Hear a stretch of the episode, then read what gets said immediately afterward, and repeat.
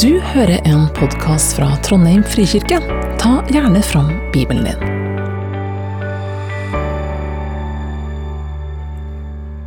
Dagens tekst er fra Johannes evangelium, kapittel 4, vers 1-30. Jesus fikk nå vite hva fariseeren hadde hørt, at han vant flere disipler og døpte flere enn Johannes. Nå var det ikke Jesus selv som døpte, men disiplene hans. Da tok han ut fra Judea og dro ut til Galilea igjen. Han måtte dra gjennom Samaria og der kom han til en by som heter Sykar. Byen ligger nær det jordstykket som Jakob gav Josef, sønnen sin. Der var Jakobskjelda. kjelde. Jesus var sliten etter reisa og satte seg ned attmed kjelda. Det var omkring den sjette timen. Da kommer det ei samaritansk kvinne og vil hente vann. Jesus sier til henne, Gjev meg noe å drikke. For eh, disiplene hans hadde gått inn til byen for å kjøpe mat.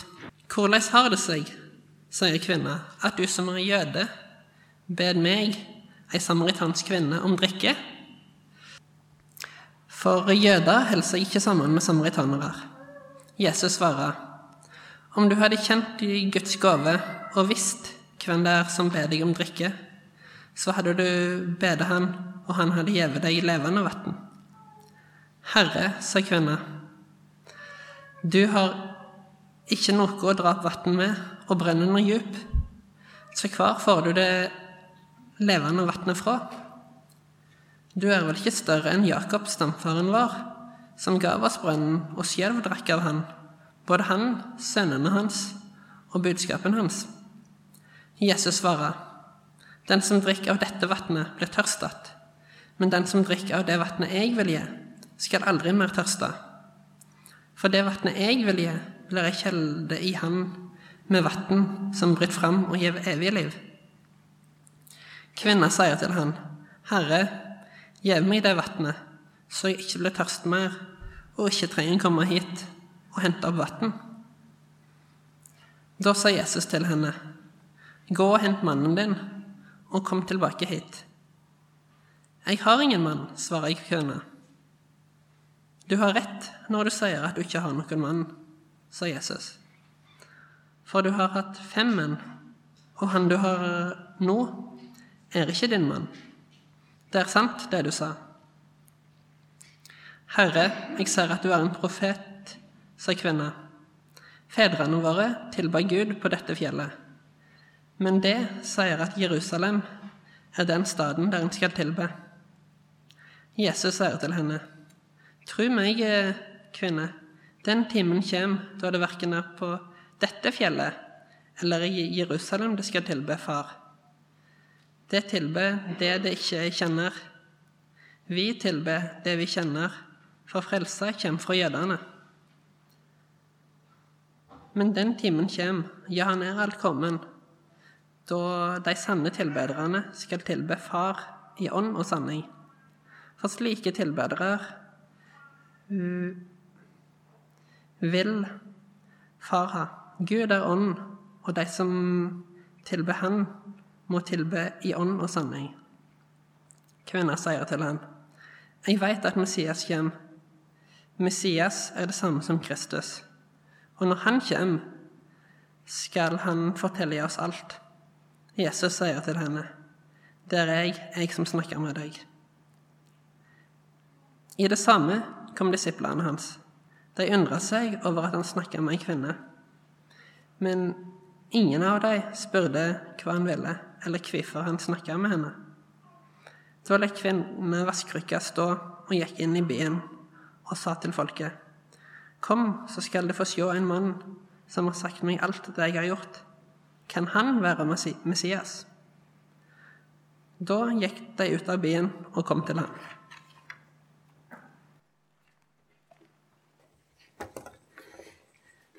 Hei, godt å se dere. Takk til Eivind som leste teksten. Vi har nå kommet til episode åtte i taleserien The Chosen. Det er nesten litt trist for det siste, men det kommer en sesong to. Ehm, Så Dagens tekst er altså fra Johannes 4, 1-30, og det er en flott historie.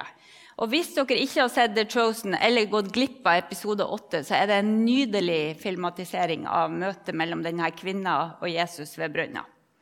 Jeg skal ikke vise den nå fordi det er litt mye lys i kirka når det er sol, men jeg skal holde meg til teksten. Og da må vi jo begynne med et kart. sant? Eh, så Jesus og disiplene er på vei fra Judea, som er der nede, og opp til Galilea. Og så står det at han måtte gjennom Samaria. Og I Samaria så bodde det samaritanere. og Det var etterkommere etter folkegrupper i Iran og Irak som ble tvangsflytta til det jødiske Nordriket da det ble okkupert av syrerne. Så de her samaritanerne de trodde på samme gud som jødene. Men de hadde et eget hellig fjell som dere ser der den ringen er, der de tilba Gud. Det var der Moses fikk de ti bud. Og Samaritanerne var veldig sterkt imot jødene sin tilbedelse i Jerusalem. Så her har vi altså to folkeslag som er som hund og katt. Eh, de avskydde hverandre. Og Det normale for jødene var å legge veien eh, fra Judea til Galilea, enten langs kysten, helt ytterst, eller inne eh, til høyre. Men Jesus måtte gjennom Samaria, står det. Det må bety at han hadde et viktig oppdrag der, og det er det denne fortellinga handler om. Det står i vers 4.: Han måtte reise gjennom Samaria, og der kom han til en by som het Sykar, like ved jordstykket Jakob ga sin sønn Josef. Der var Jakobskilden. Jesus var sliten etter vandringa, og han satte seg ned ved kilden. Det var omkring den sjette time. Og hvis dere sjekker litt, så har han altså gått elleve mil, Jesus. Og det står at han er sliten. Jeg liker sånne detaljer, at Jesus faktisk ble sliten av å gå 11 mil i varmen. Um, og så er det den sjette time, det betyr klokka tolv midt på dagen. Så varmere kan det ikke bli. Sola steiker, og alle som kan, holde seg i skyggen. Og Helge og Ingebrigt og jeg vi var på pastorkonferanse i Florida i forrige uke. Eh, midt på dagen hadde vi pause, for det var forelesning fra åtte til seks om dagen. Men vi hadde én time pause. Og så Nesten alle de 6000 deltakerne de holdt seg jo i skyggen og inne der det var aircondition. Med unntak av vi norske. Så vi kunne bare se i sola. Der var vi. vi fant hverandre hele tida, for bare nordmenn er så tørst på sola at de sitter i stolsteiken klokka tolv. For på Jesus' i tid så visste de bedre. På en vanlig dag så var det ingen ved brønna midt på dagen. Men mens Jesus sitter og hviler her, så kommer det ei samaritansk kvinne for å hente vann. Og Disiplene de hadde sprunget inn for å handle mat på McDonald's. og Jesus, Nei, det gjorde de ikke. Men eh, Jesus er altså alene, og så kommer denne kvinna, og så sier Jesus til henne, 'La meg få drikke'. Og her bryter Jesus alle regler. For å snakke med ei kvinne hvis du var en, en, jødisk rabbi, det var utenkelig. Dette er de som hadde ei morgenbønn som gikk sånn som det her. Takk, Gud, for at du ikke skapte meg til kvinne. Det ba rabbiene hver morgen. Så det å snakke med dem det var ikke noe særlig. Eh, å snakke med ei samaritansk kvinne det ville vært et sånn karriereselvmord. Det gjorde du bare ikke. Det var liksom sånn. Absolutt ikke. Så Jesus han bryter alle regler, og kvinna er jo selvfølgelig overraska. Så sier hun, 'Hvordan kan du som er jøde, be meg, ei samaritansk kvinne?' Akkurat som man ikke vet. sant? Kan du be meg, en samaritansk kvinne, om å få drikke? Og Jesus svarer, om du hadde kjent Guds gave og visst hvem det er som ber deg om å få drikke, da hadde du bedt han, og han hadde gitt deg levende vann. Kvinner skjønner nok ikke så veldig mye, for hun tar tak i det praktisk, og så sier hun du har jo ikke noe å dra opp vann med. Hvor får du det levende vannet fra? Og Jesus svarer, 'Den som drikker dette vannet, blir tørst igjen.' 'Men den som drikker det vannet jeg vil gi ham, skal aldri mer tørste.' 'For det vannet jeg vil gi, blir i han en kilde til vann som veller fram og gir evig liv.' Kvinna sier, 'Gi meg dette vannet, så jeg ikke blir tørst igjen og slipper å gå hit og hente vann.' Så hun er fortsatt praktisk. sant? 'Gi meg dette vannet, så slipper jeg å gå i et par kilometer for å hente vann.' Og Litt lenger ned på sida i historien så skjønner vi hvorfor hun er ved brønna midt på dagen. For dette er ei av de kvinnene som det sladres om. Livet ble ikke sånn som hun drømte om da hun var lita jente. Det står at hun har hatt fem menn, og at den mannen hun har nå, er ikke hennes. Og Vi vet jo ikke årsaken til at hun har fem brutte ekteskap bak seg. Kanskje hun ble behandla dårlig fra dag én. I den tida hadde menn all makt i et ekteskap, og det var bare de som kunne skille seg. Sånn at eh, dårlig frokost kunne være skilsmissegrunn. Og hvis du fikk et skilsmissebrev, så kunne du gifte deg på nytt igjen, men da var du jo ikke førstevalget lenger. Sånn at denne dama har kanskje blitt kasta fra mann til mann til mann til mann til mann, rett og slett for å overleve. Så nå er hun aller nederst på rangstigen. Hun er utstøtt av samfunnet. I beste fall oversett. Og Det ser vi fordi hun kommer alene midt på dagen. De andre kvinnene pleide å gå sammen, enten tidlig om morgenen når det var kjølig, eller litt senere på kvelden. Så denne kvinna er alene, og da kunne hun med stor sannsynlighet unngå å møte andre. Hun var alene, hun var utafor, men Jesus måtte gjennom Samaria.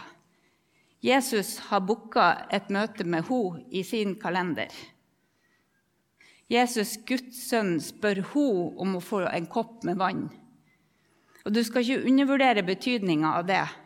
Han gir henne verdighet, han ser henne, han vet om hennes livssituasjon, men han møter henne med godhet og respekt. Han er ikke ute etter å henge henne ut eller få henne til å skjemmes. Så Jesus' sin holdning er 'Jeg ser deg, jeg ser alt, og jeg fordømmer deg ikke'. Dette er veldig fint illustrert i TV-serien The Chosen. Jesus har et sånn varmt, kjærlig blikk. Ja, Han har sånne hjerteøyne, sånn som dere av og til trykker på mobilen. vet dere, sånn, sånn som det her. Jesus har hjerteøyne når han ser på henne. Full av omsorg. Og Jesus har hjerteøyne når han ser på deg. Jesus har hjerteøyne når han ser på deg. Han vil gi henne levende vann, sånn at hun aldri skal tørste mer.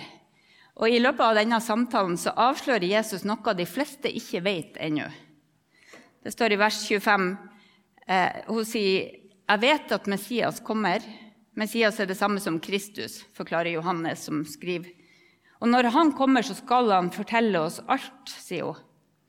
Jesus sier til henne, 'Det er jeg, jeg som snakker med deg.'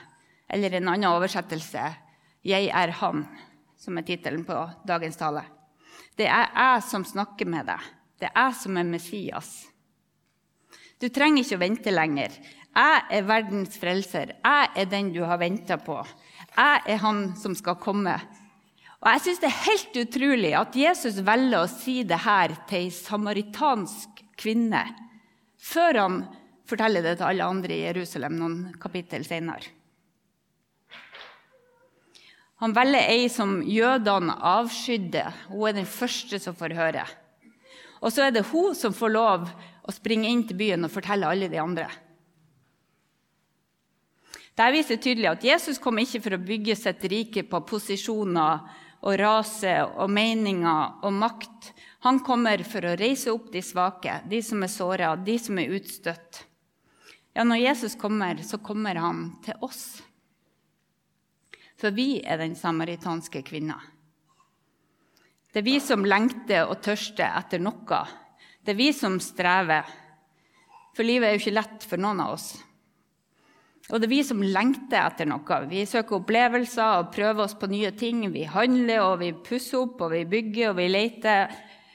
Og bare, har dere tenkt på Det Det er bare en liten andel av verdens befolkning som har råd til å holde på sånn og lete etter stadig mer.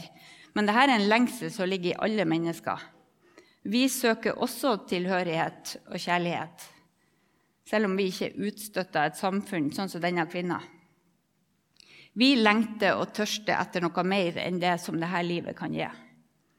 Og Jesus sier, 'Men den som drikker av det vannet jeg vil gi han, skal aldri mer tørste.' For det vannet jeg vil gi, blir i han en kilde med vann som veller fram til evig liv. Og Ordet for kilde her, det er egentlig, som bildet er egentlig en fontene. Det spruter, det strømmer hele tida. Så Jesus sier, 'Kom til meg, kom til meg og drikk.' 'Kom til meg, jeg har det livet du skal leve.' For det vannet jeg vil gi, blir han en kilde. Og Forrige søndag så hørte vi den kapitlet før i historien om Nikodemus, han var jo en rådsherre. Han var øverst på rangstigen i det jødiske samfunnet. Og denne samaritanske kvinna hun er helt nederst.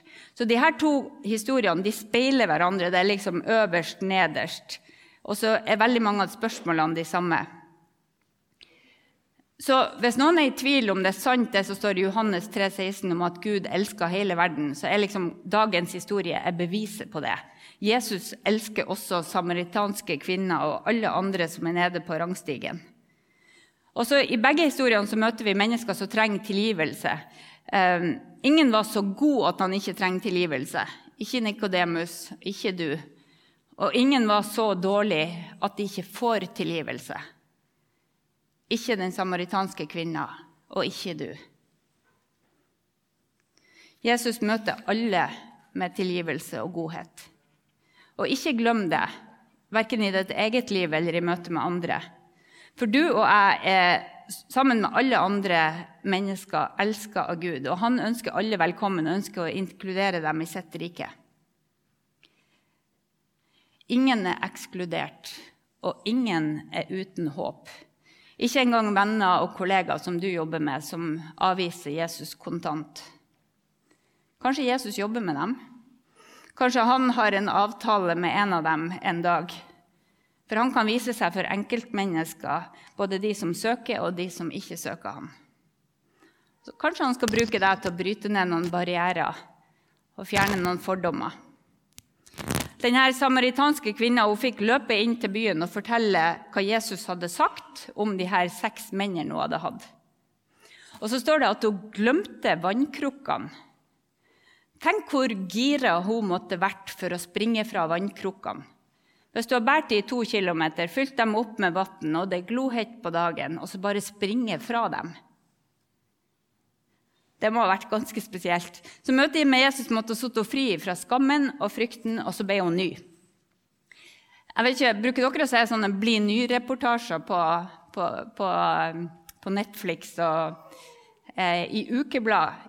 Jeg var ung og satt på legekontoret, så leste jeg alltid der KK-reportasjene med Bli ny. Da var det sånn Her har vi ei dame, hun trenger en fornyelse, og her er resultatet. Eh, jeg elsker å se sånn enten det er trening eller sminke eller klær. Det eneste, Grensa mi går på plastiske operasjoner. Da syns jeg det blir motbydelig. Men hvis de tar ei, tar ei dame som har dårlig selvtillit og så I løpet av 90 minutter eller 60 så forvandler de henne totalt. og Så tar de henne fram foran familien, og tårene renner, og alle er så lykkelige fordi at hun har fått en, et løft. Um, det blir sånn Er det mulig? Er det samme dama? Og De som lager sånne reportasjer, de vet at vi lengter etter noe mer. Etter noe nytt. Etter forvandling. Og vi må huske at det er ingen andre som kan forandre liv sånn som Jesus. Denne samaritanske kvinna gikk fra å være oversett til å bli sett. Fra å være ekskludert til å bli elska. Fra å være berykta i lokalmiljøet til å bli berømt. Hun var den som hadde møtt Jesus. Hun gikk fra å være sky, sjenert, til å bli kry nå syns Jørgen at det ble litt cheesy når jeg kom til sky til kry. Men hun gikk altså fra skam til frihet. Det var en total transformasjon. Ikke bare i det ytre. Og så var det mange som så det, og så kom de til tro på Jesus gjennom det hun sa. Og så står det litt lenger ned i teksten at de ble værende der, Jesus og disiplene, i to dager. Og Disiplene må ha vært ganske opprørt. Jesus, skal vi være her i to dager sammen med de her folkene vi forakter? Du sa vi skulle være rask gjennom. Og så I den filmen i The Chosen så sier Jesus bare bli vant til det. Just get used to different, sier Jesus. For Jesus har helt andre planer enn det vi har. Han har mennesker å møte, mennesker å elske, mennesker å frelse. Han ser mennesker der vi ser fiender. Han ser elska mennesker der vi forakter. Og Det er viktig å huske når, når, verden er sånn som den er. Men Ingebrigt sa at jeg skulle snakke litt om Den hellige ånd. Så hva med Den hellige ånd? Og hva med oss som ikke får gleden av å møte Jesus fysisk? Det uttrykket 'levende vann', som Ingebrigt og Victoria prøvde å forklare, det har faktisk flere betydninger i Bibelen. Noen ganger er det et bilde på Gud, noen ganger er det et bilde på frelse, og noen ganger er det et bilde på Guds ånd. Og Guds ånd skal hjelpe oss til å leve etter Guds vilje. Og for noen er Den hellige ånd ganske mystisk. Ehm, men, men eh, jeg skal bruke setninga til Ingebjørg Nadrup, hun er lærer på Fjellhaug bibelskole. Hun har skrevet det veldig enkelt og fint. Hun har sagt at Den hellige ånd er Guds måte å være til stede på jorda. Og så står det under Den hellige ånd har mange egenskaper. Det står i Bibelen at noen av oppgavene er å veilede, å trøste, å lære, å gi visdom og være vår representant hos Gud. Og Vi var på konferanse som jeg nevnte i stad, eh, i fem dager der alt handla om Den hellige ånd. Eh, 'Empowered by the Holy Spirit'. Det var ikke mitt første valg å reise på en sånn konferanse, men Helge var veldig ivrig. Eh, og det var 6000 deltakere fra nesten like mange kirker, for det var pastorer og kirkeledere fra alle mulige forsamlinger som møttes for å lære og be og synge sammen. Og noen var sånn karismatikere som ropte 'Amen! Halleluja! Preach, sister!' Uh -huh. eh, og så var det mange som var sånn Å, hva gjør jeg nå? eh, jeg føler meg litt sånn i sånne sammenhenger. men siden vi var borte, vi måtte jo ikke stå lag med dere, så kunne vi bare bli utfordra og inspirert og prøve å være med på det som foregikk. Og så var det helt utrolig å være i lag med 6000 etter pandemien. Det var sånn, De fleste av oss hadde covid før vi for, og vi andre regna med at vi får det i hvert fall her. Men det gikk bra. Eh, så denne opplevelsen av å være sammen og være fokusert på Den hellige ånd og Den hellige ånds kraft var en, var en faktisk ganske sterk opplevelse. Så var det ett bibelvers som jeg tror gikk igjen i åtte av ti taler. Og det var Romerne 15, 13. Og Hvis du ikke husker noe etter det her, så kan du huske Romerne 15, 13. Det står på en lapp bak der òg. Der står det Må håpets Gud fylle dere med all glede og fred i troen, så dere kan bli rike på håp ved Den hellige ånds kraft. Nå er det jo enda finere på engelsk, for da står det 'The God of Hope' altså håpets Gud. Gud som har alt håp, som gir håp til alle mennesker. Må håpets Gud fylle deg med all glede og fred i trua, sånn at du blir rik på håp ved Den hellige ånds kraft. Tenk å kjenne håpets Gud i disse dagene. Tenk å be for hverandre må håpets Gud fylle deg med all glede og fred i troa, sånn at du blir rik på håp ved Den hellige ånds kraft. Kanskje du sitter her og tenker skjønner hva du sier, men jeg erfarer det ikke. Nå er du på, på et landskap jeg ikke kan noe med. Jeg føler det ikke. For jeg er engstelig, jeg er frustrert, jeg er redd, jeg er sint, jeg er urolig. Jeg er ikke fylt av glede og fred.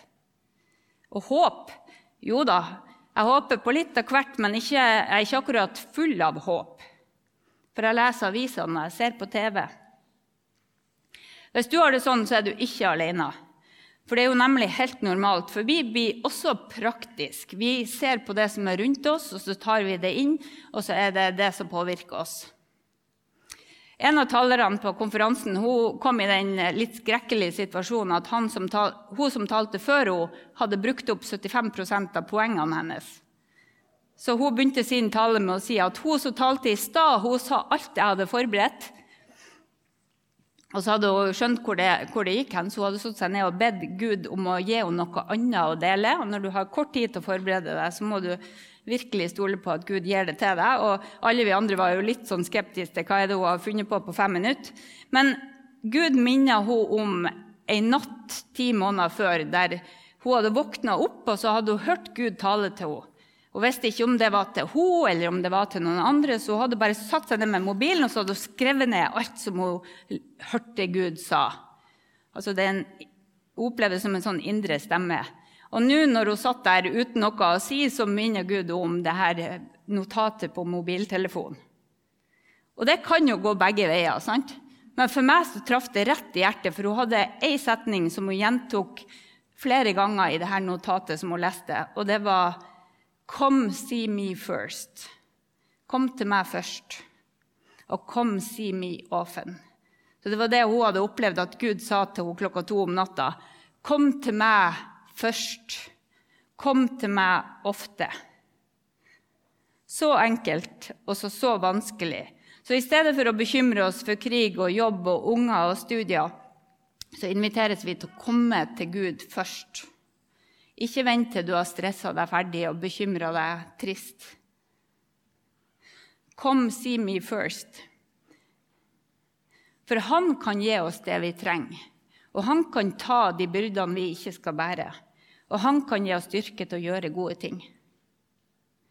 Og så vet vi at vi trenger påfyll stadig, ikke bare én gang i uka. Kom, see me often. Kanskje ikke bare én gang om dag, men kanskje flere ganger om dag. For Gud er kilden, og han vil leve sammen med deg og fylle deg, sånn at det renner over i hverdagen. Kom, see me often. Hvis du gjør det, så får du kanskje lyst til å fortelle hvem han er.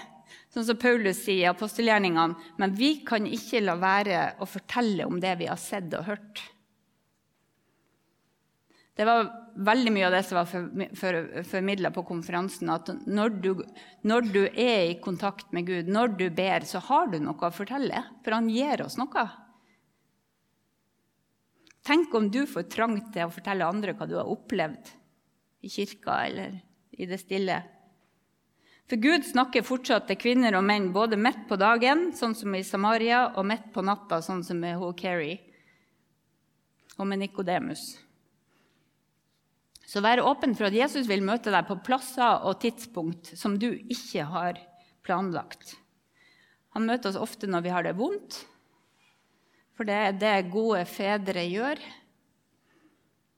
Møte oss når vi har det vondt. Så Gud inviterer oss kom til meg først, og kom til meg ofte. Og Jeg skal stoppe med denne invitasjonen fra Gud, og så skal vi bruke litt tid i bønn. Eh, vi kan invitere Jesus ved sin Hellige Ånd til å gi oss påfyll. Og Dette er din mulighet til å sitte med Jesus ved brønna i overført betydning. Og så kan du få gi respons til Gud på det du har fått. Skal vi ha noen stasjoner som kan hjelpe deg? Hvis du ønsker at noen skal be denne velsignelsen fra romerne, så kan du gå på rett på en av midtgangen her, så er det en stasjon. Så er det forbønn bak ved korset og forbønn her fremme. Så er bønnekrukka bak i salen. Der kan dere skrive lapper og legge i krukka, så blir det bedt for på bønnemøtene. Og så kan dere gå frem hit og tenne lys på lysglobben og be. Eh, og Kanskje noen av dere trenger en litt mer konkret påminnelse om at du er elska av Jesus før du presterte noe som helst, og at du fikk Den hellige ånd i dåpen selv om det ikke føles sånn. Da kan dere gå til Ingebrigt, som skal tegne korsets tegn med dåpsvannet på panna di. Um, og Kanskje noen av dere får et vitnesbyrd å dele, eller et ord. Så må dere gå frem til Sveinung som sitter her, så finner vi ut av om det skal deles i plenum. Og hvis du syns dette høres veldig uvant, så trenger du selvfølgelig ikke å delta. Du kan bare sitte og være her. Guds invitasjon er 'kom til meg først, og kom til meg ofte'. Bli med og be.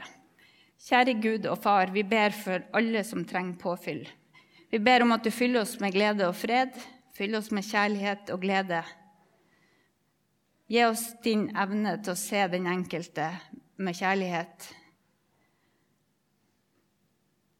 Gi oss det vi trenger som enkeltpersoner av menigheten nå, Jesus.